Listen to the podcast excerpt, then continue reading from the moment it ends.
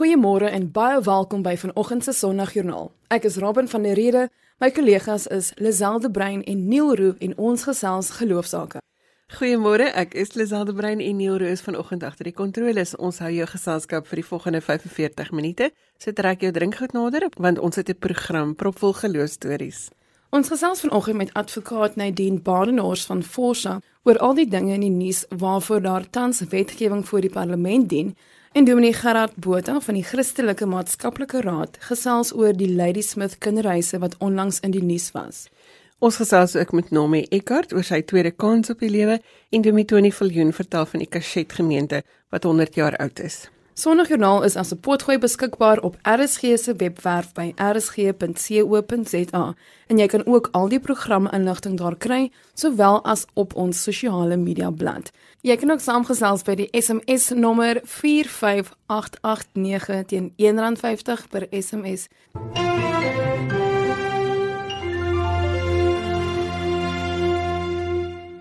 Die NG Gemeente Kashet aan die Oosrand vier hierdie jaar hulle 100ste bestaanjaar en ons gesels vanoggend met Dominee Tony Viljoen wat deeltydspredikant is by die gemeente. Goeiemôre Dominee Viljoen.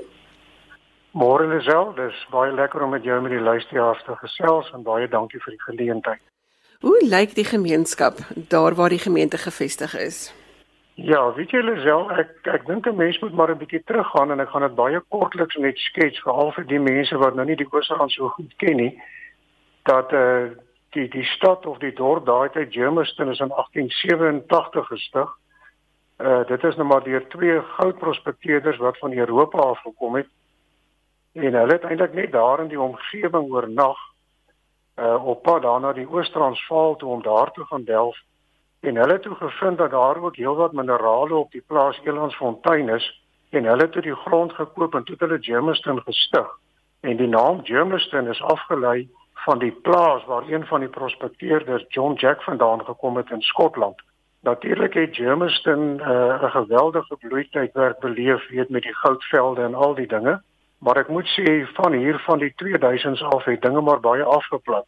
En as jy nou vir my spesifiek sou vra of ek vir die mense moet sê van van Kashet wat nou die oudste gemeente in Germiston is dan dan het die omgewing verskriklik verander. Dit is 'n ouer wordende woongebied die ou mense trek na na afbreeoorde toe. Die dorp bied ook nie baie vir die nuwe jong mense om in te trek so intoe nie. Weet eiendomme word deur ontwikkelaars opgekoop en besighede word opgerig. Die demografie het ook heeltemal verander en dit het natuurlik ook maar sy uitwerking op die gemeente self. Uh miskien kan ek net verder noem dat die gemeente het in 1919 met 332 lidmate begin Julle weet hier in die bloeityd ter 1960 en 70 het hierdie gemeente drie voltydse leraars gehad by die 2800 lidmate. In die 80e jare het dit begin daal en die gemeente staan vandag met sy feesvieringe op net 75 aktiewe lidmate. Dit is so 'n bietjie agtergrond van waar die gemeente Kashet is en dan ook die omstandighede. Tony, dit is 'n interessante verandering wat reg oor daardie hele area gebeur. Ons weet daar's verskeie gemeentes wat baie klein word en wat sukkel. Wat is die rol van die geloofsinstelling in so 'n gemeenskap? Hoe ondersteun 'n mens die 75 wat nog steeds getrou daar is?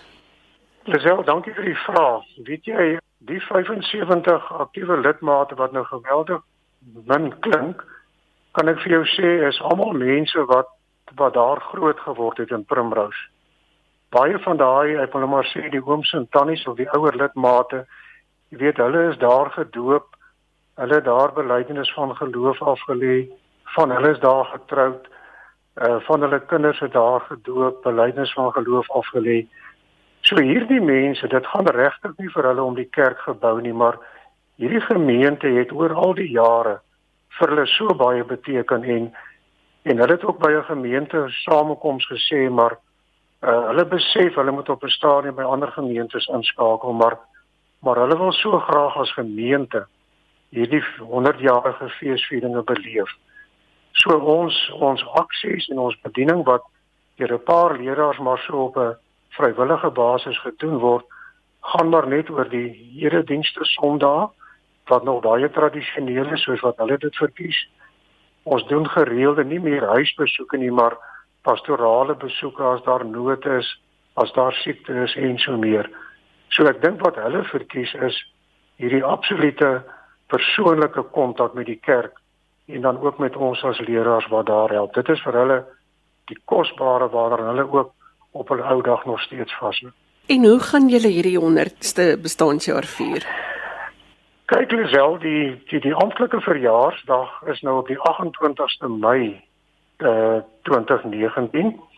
Nou ons het nou maar besluit dat ons die naweek voor dit dit is nou Saterdag 25 Mei en Sondag 26 Mei.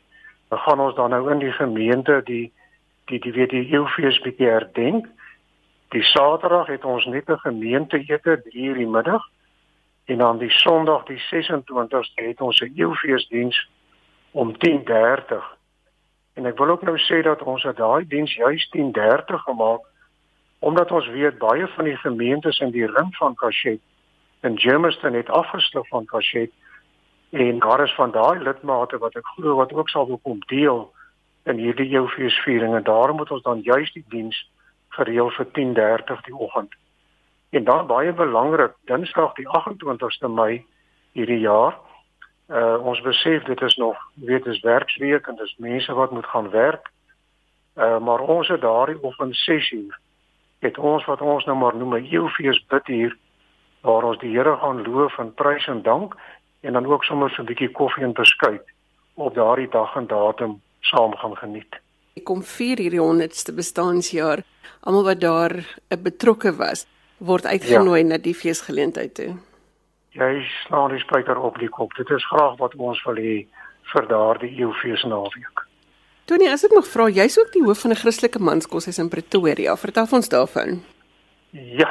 Weet jy ja, ek moet vir jou sê, Lisel en luisteraars, dit is nogal 'n redelike kontras. Uh Sonop Christelike Huis was uh van 1916 Met ander woorde ons was 2 jaar terug was was die koshuis ook 100 jaar oud. Maar was al die jare deel van die NG Kerk, maar in 1999 het ons Bond van Oud Sonnobbers die koshuis by die kerk gekoop.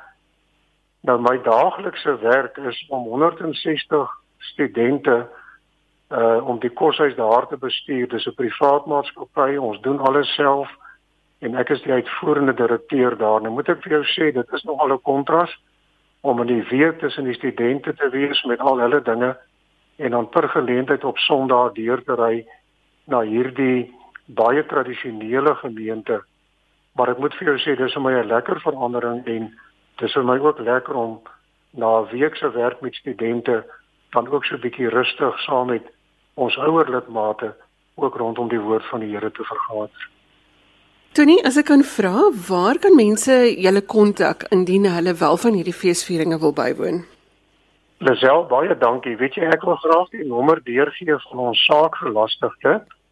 Uh dit is Betty Klopper en haar selfoonnommer is 083 651 8234. Ek kan dalk maar net vir interessantheid noem dat Betty is nou al reeds vir 15 jaar die saakgelastigde van die gemeente en ook al vir 31 jaar die oraliste. So ek dink baie van die oud lidmate wat na haar toe skakel, sal haar stem ook sommer dadelik herken. Dalk moet ek ook net sê dit sou dalk goed wees as hulle miskien maar net vir haar 'n SMS of 'n WhatsApp sal stuur, dan kan sy ook dit dan daarop reageer. Ek gee net gou weer vir ons daardie nommer, dis 083. Ja. Die nommer is 083 651 8234 Betty Klopper. Ek dink dit sal goed wees as almal wat een of ander stadium deel was van die Kashet gemeente moeite sal doen om dan nou ook daardie Sondag erediens te gaan bywoon en saam fees te vier om hierdie 100ste bestaanjaar te vier. Tony baie dankie vir die saamgesels. Sterkte met die feesvieringe wat gaan plaasvind by die Kashet gemeente en uh, ons hoop die gemeente gaan vir nog 100 jaar bestaan en mense bedien in daardie omgewing. Baie dankie vir die saamgesels. Lisel baie dankie. Ons waardeer dit en dankie ook vir die pragtige program elke Sondagoggend. Dit is regtig verrykend om met al julle mooi gedagtes ook na die huis van die Here later op te gaan.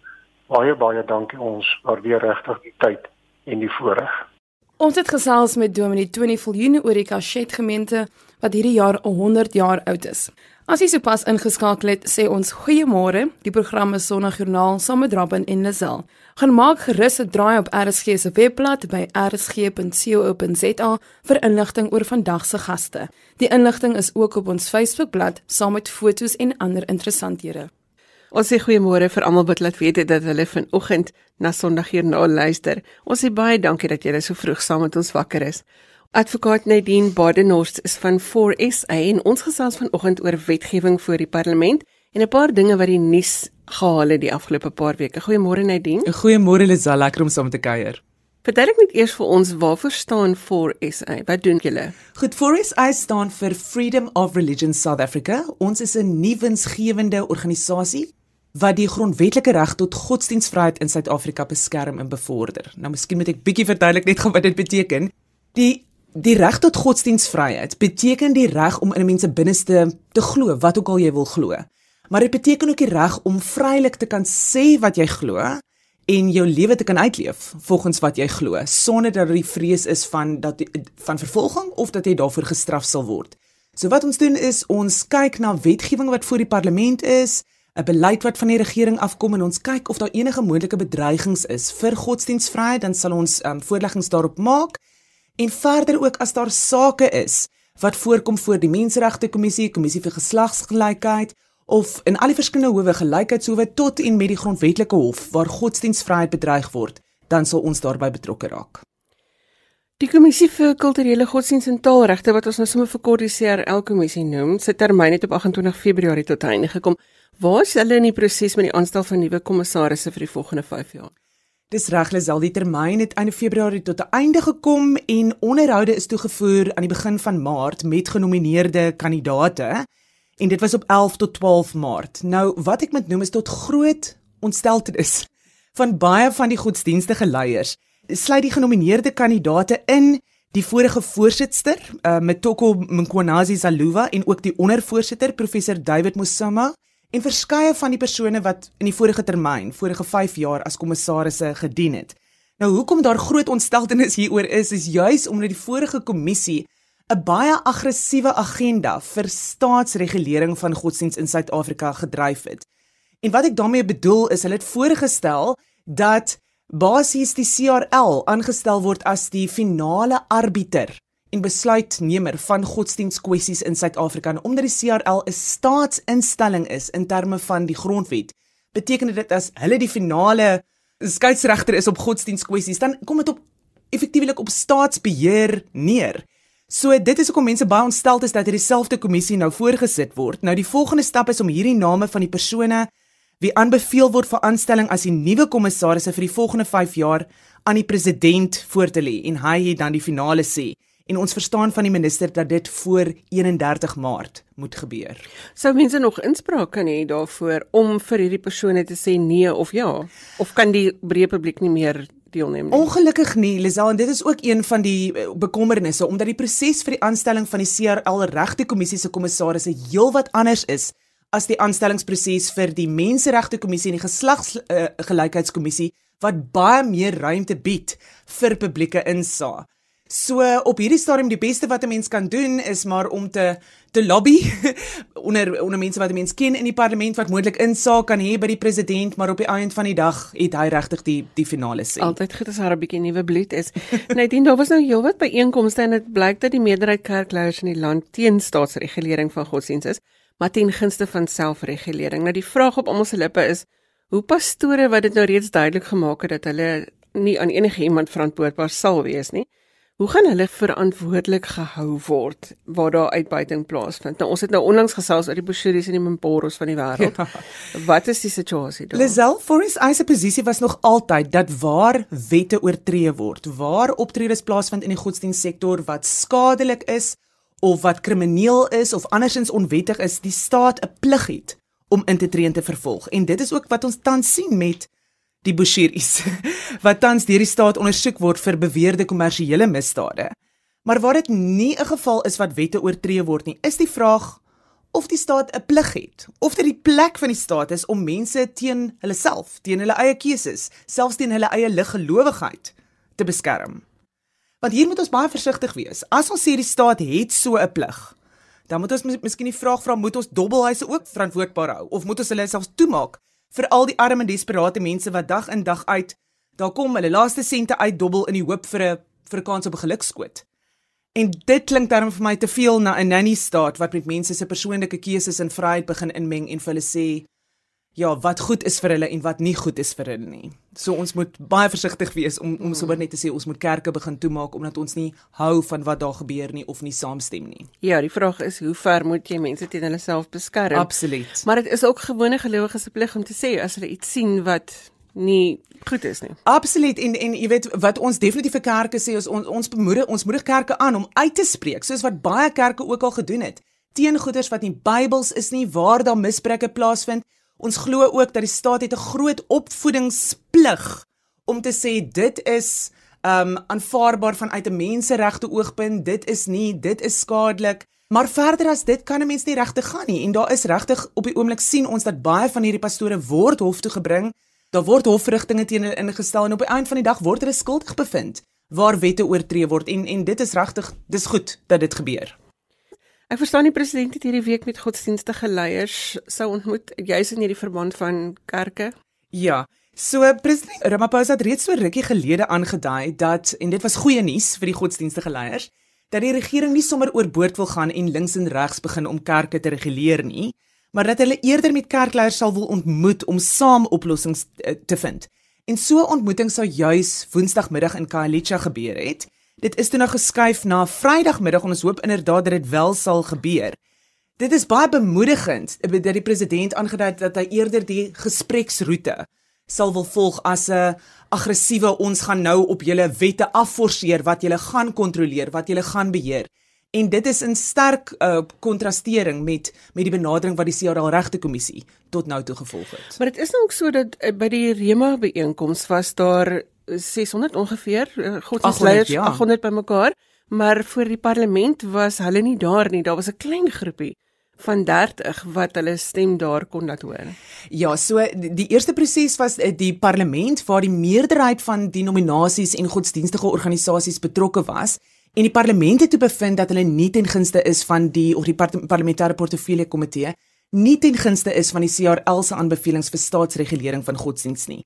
Daardie par parlementêre portefeulje komitee het toe gesê dat daar moet 'n nasionale konsultatiewe konferensie plaasvind waar godsdienstleiers met mekaar kan praat en waar hulle saam oplossings vir die godsdienstige sektor deur die godsdienstige sektor kan kan vind. En dit was toe die Rema beraad wat wat plaasgevind het waar daar 800 mense teenwoordig was Op daardie stadium in die afgevaardiges het besluit dat die kerk gaan nou self eienaarskap neem van die proses om oplossings te vind en hulle wil nie hê en hulle gaan nie toelaat dat die CRL verder aan die kerk gaan gaan voorskryf nie. So die CRL gaan uitgesluit word van die prosesse wat nou oor die volgende paar maande sal plaasvind. Die teleurstelling en die skok was dat toe 2 weke later die CRL hulle nasionale konsultatiewe konferensie um, gehou het wat die agenda van die kommissie vir die volgende 5 jaar sal bepaal en hierdie konferensie is bygewoon deur 500 afgevaardigdes vanuit die taalgemeenskap, 'n kulturele gemeenskap, ook die godsdienstige gemeenskap, maar van die 500 was slegs 30 godsdienstige leiers. En van daardie 30 was net 'n handjievol betrokke by die parlementêre prosesse en die Rema proses.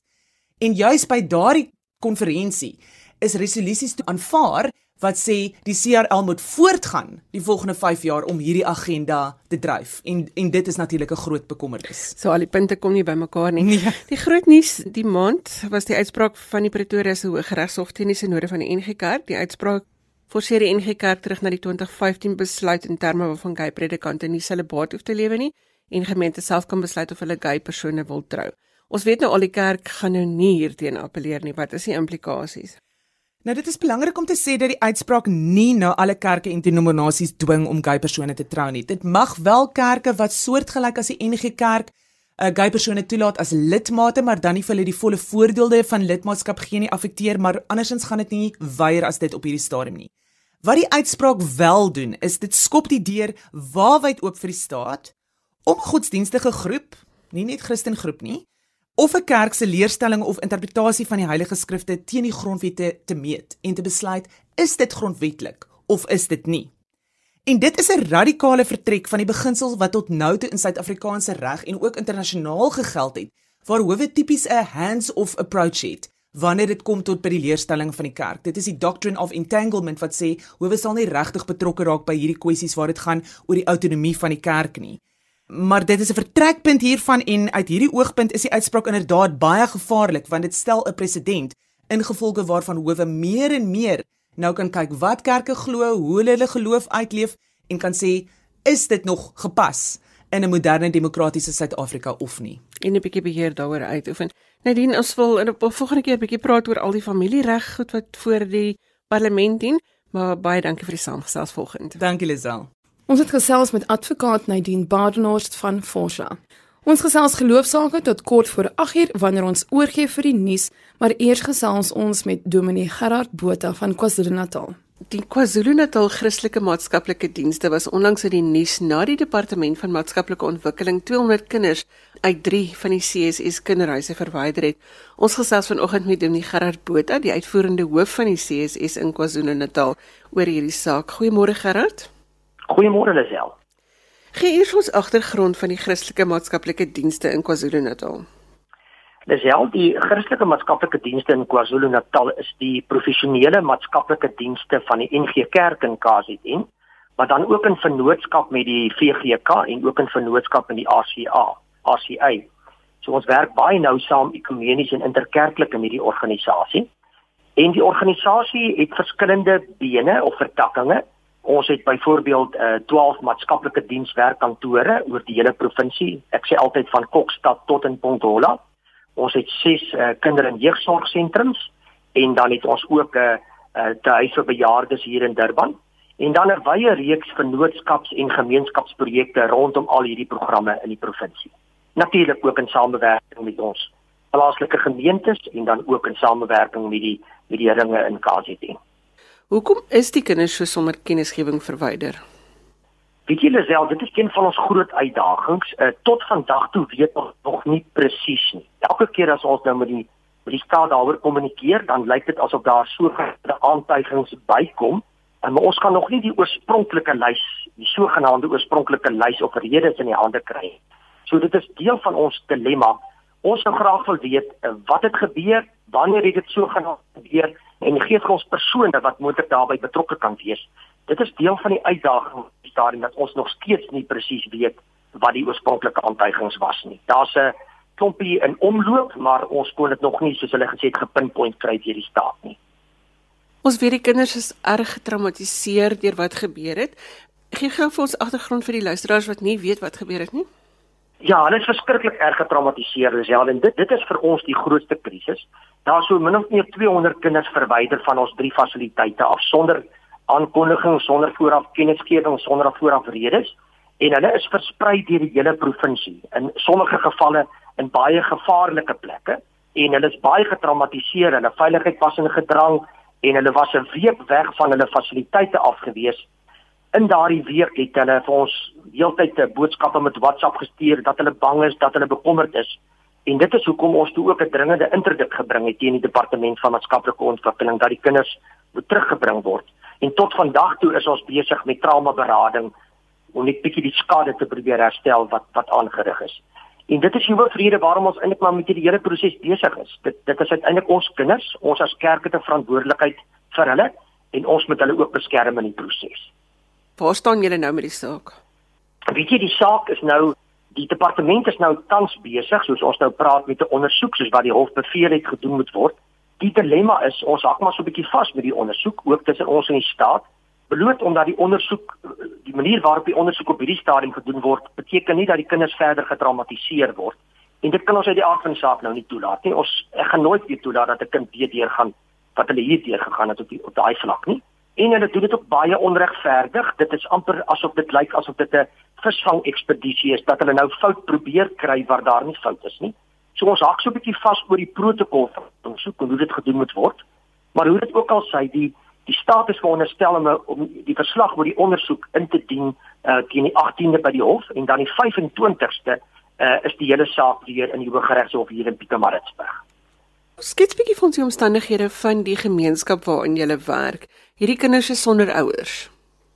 Ja, baie van hulle is self sonder ouers. Uh, baie van hulle uh, is is verwyder as gevolg van molestering en mishandeling in elk geval. So jy weet dit is hoekom hierdie hierdie hele proses vir hulle uh, weer as 'n verwydering ervaar is. Daar is heelwat van hulle wat sonder uh, wat sonder ouers is en ongelukkig die geweld en wil ek amper sê die die bietjie wreedheid wat hiermee gepaard gegaan het selfs met polisie begeleiding het hierdie kinders nog verder getraumatiseer want hulle kom juis uit geweld georiënteerde gemeenskappe uit. In 'n plek van veiligheid is hulle veiligheid 'n soort van ontwrig. Wat is die positiewe ding wat jy hier uithaal? Hoe kyk jy vorentoe? Weet julle self daai vraag vra ek nog elke oggend vir myself as ek opstaan. Want hierdie is maar 'n is 'n lang stryd, nee, en dit is 'n intense stryd. En jy weet ek is nou maar 'n dominee, so dominee is ook nou nie gewoond om die hele dag in die hof te sit en met sulke moeilike goed te werk nie. Maar weet jy in hierdie tyd vat ons vorentoe hoe die hoe die Here ons ondersteun, hoe die Here ons lei, hoe die Here voorsien. Weet jy, ek kan vir jou getuig hoe die Here vir vir die ander personeel elke oggend Bybelverse gee om ons hierdie dag te trek. Dit is ongelooflik. Die verse is net wat ons moet hoor. Soms kry ons dieselfde verse. So dit gee net vir ons die bewys. Hou net vas aan die Here. Dan kan ons ook getuig in die proses terwyl ons vashou aan die Here en daar 'n paar artikels skryf jy al hoeveel wonderwerke die Here in hierdie in hierdie proses gedoen het. Jy weet dinge wat net skeef kon geloop het met die prosesse wat reg geloop het. En die ander stuk positiwiteit is hoe die Here mense rondom ons opwek in ons gemeenskappe om te ondersteun met gebed en met met fisiese ondersteuning. En ek dink ons het ook in die proses geleer dat en ek dink dit is vir ons as kerk belangrik dat ons ook maar ten alle koste die reg van die diegene wat gemaak gemaak gaan initieer is moet beskerm. Jy weet ons is ons is hier vir die kinders se belang. En natuurlik ook in die belang van die reg. En dalk so 'n laaste so laaste sinnetjie wat ek vir jou kan byvoeg daar, het met my persoonlik gepraat het. Toe ek reg in die middel van hierdie trauma was, Lisel, toe gee die Here vir my 'n tema om te preek daai spesifieke Sondag in my gemeente. En jy sê maar nie glo wat die tema is nie. Wees lief vir jou vyande en bid vir die wat jou vervolg. Jy weet jy en toe besef ek die Here wil natuurlik is ek seker wil hê ons moet die reg laat geskied en die waarheid moet uitkom en en al die dinge, maar ons as kerk moet dit ook in liefde doen. So as ek net maar met die departement werk en alles alhoewel dit 'n intense regsproses is, wil 'n mens tog maar probeer om ietsie van die liefde ook in die wyse waarop ons hulle hanteer. Alhoewel ons nie met hulle saamstem nie, wil dit oorkom. Want dit is die verskil tussen ons en die res van die wêreld. Ons moet hierdie lig nog steeds van die Here Jesus laat skyn. Sou daar van hierdie klagtes wees wat die departement ontvang het wat waar is, dan is julle nie onwillig om hierdie saak reg te stel nie. Glad nie dieselfde. Dit is om hoekom ons eintlik 'n ondersoek verwelkom. Uh, mits dat hierdie reg en billik gedoen word en en, en die kinders nie getraumatiseer word nie. En as daar enige foute uitgewys word, dan is ons bereid om dit in volle te hanteer en en en dit reg te stel. Want ook dit is uiteindelik in belang van die kinders. En dit is waaroor hierdie hele saak alles uiteindelik moet gaan. Wat is die beste vir ons kinders? En sterkte vir die pad vorentoe ons gesels weer met jou wanneer die saak afgehandel is. Baie dankie Lisel. Ons het gesels met Dominee Gerard Botha van die Christelike Maatskaplike Raad in KwaZulu-Natal.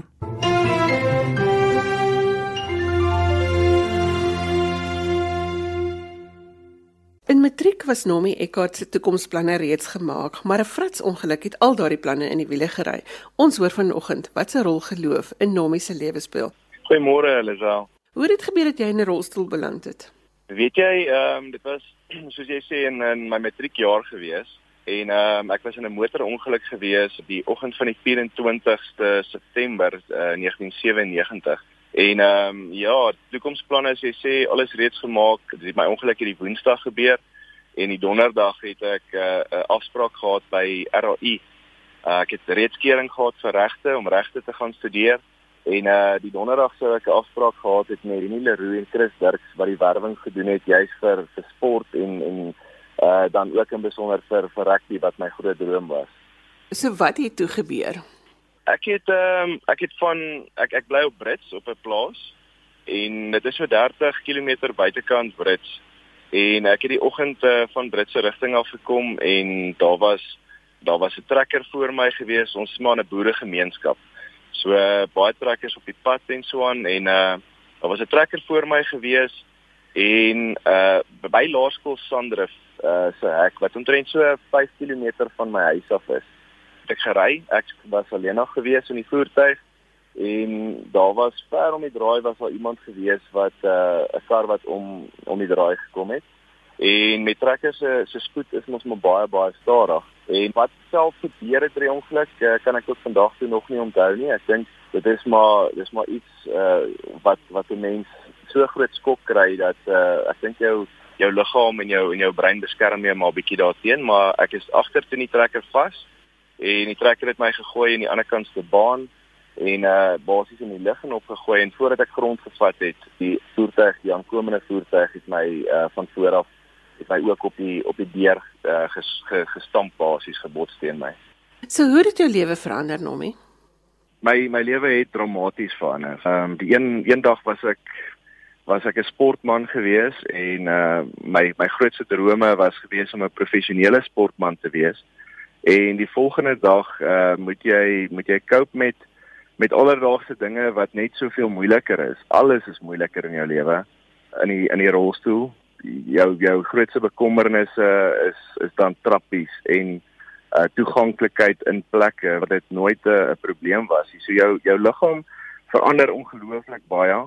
Nie net dit nie, ek uh, ek dink emosioneel en psigies is dit nogal 'n baie baie groot ding om om te verwerk. Veral as jy as jy jou toekomsdrome en alles so as as as jy dink in prentjies soos ek en uh en jy klaar daai daai uh, toekomsdrome al reeds gesien en en ewe skielik is is alles daarmee heen basies. So watter rol het geloof gespeel in jou pad na gesond word? Want ons gaan nou uitkom by wat jy nou alles doen op die ja. oomblik. Ja, jy doen verskeie dinge, jy werk met kinders, jy het 'n avontuurplaas waarvan jy vir ons gaan vertel. Kan ons net eers gestel staan by die geloofsaspek? Hoe het dit jou jou geloof beïnvloed? Dit het my my my geloof ongelooflik beïnvloed. Ek dink die die groot ding is van van kleins af het ek groot geword as as 'n Christen en in 'n Christen gesin groot geword. So ek het 'n baie goeie verhouding nog altyd met die Here gehad. Maar maar hierdie hierdie ongeluk wat wat gebeur het, maak dat jy regtig waar jou jou af jou onafhanklikheid nommer nommer 1 verloor, veral vir die eerste ruk. Uh want jy ken jou liggaam glad nie en jou afhanklikheid van van God raak net soveel meer uh intens. En uh op die einde van die dag is is dit is dit al ding wat jy het is om om aan vas te klou is is is God se se goedheid en en guns. En ja, so dit het 'n ongelooflike groot rol gespeel in my lewe en my my herstel ook. Ek is ek is van nature is ek 'n positiewe mens en ek's 'n ek's 'n optimis en en die feit dat dat God elke liewe tree saam met my gestap het met hierdie nie net met die uh, herstelproses nie, maar maar ook uh die journey wat wat ek saam met hom op op die oomblik het, is net ongelooflik. Vertel ons wat is dit wat jy nou doen? Na my ongeluk het ek 'n uh, sportskool en avontuursentrum begin en ek het dit vir vir 18 jaar het ek dit uh, bestuur en en kinders ek het leierskaps uh, kursusse wat ons aanbied en veldskole en daai tipe van goed. Verlede jaar het ek uh, besluit om om die besigheid toe te maak want daar was vir my groter drome gewees. En ek het toe 'n uh, nie winsgewende organisasie gestig, uh Ventures for Jesus.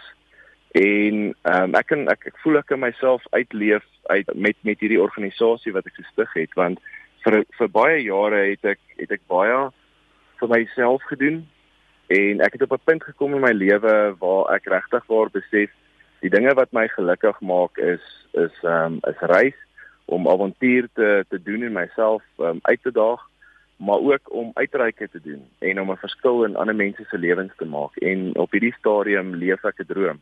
Ek het iewers gelees dat jy 'n adrenalien junkie is. So kom ons daardie sinnetjie neergeskryf. Ja.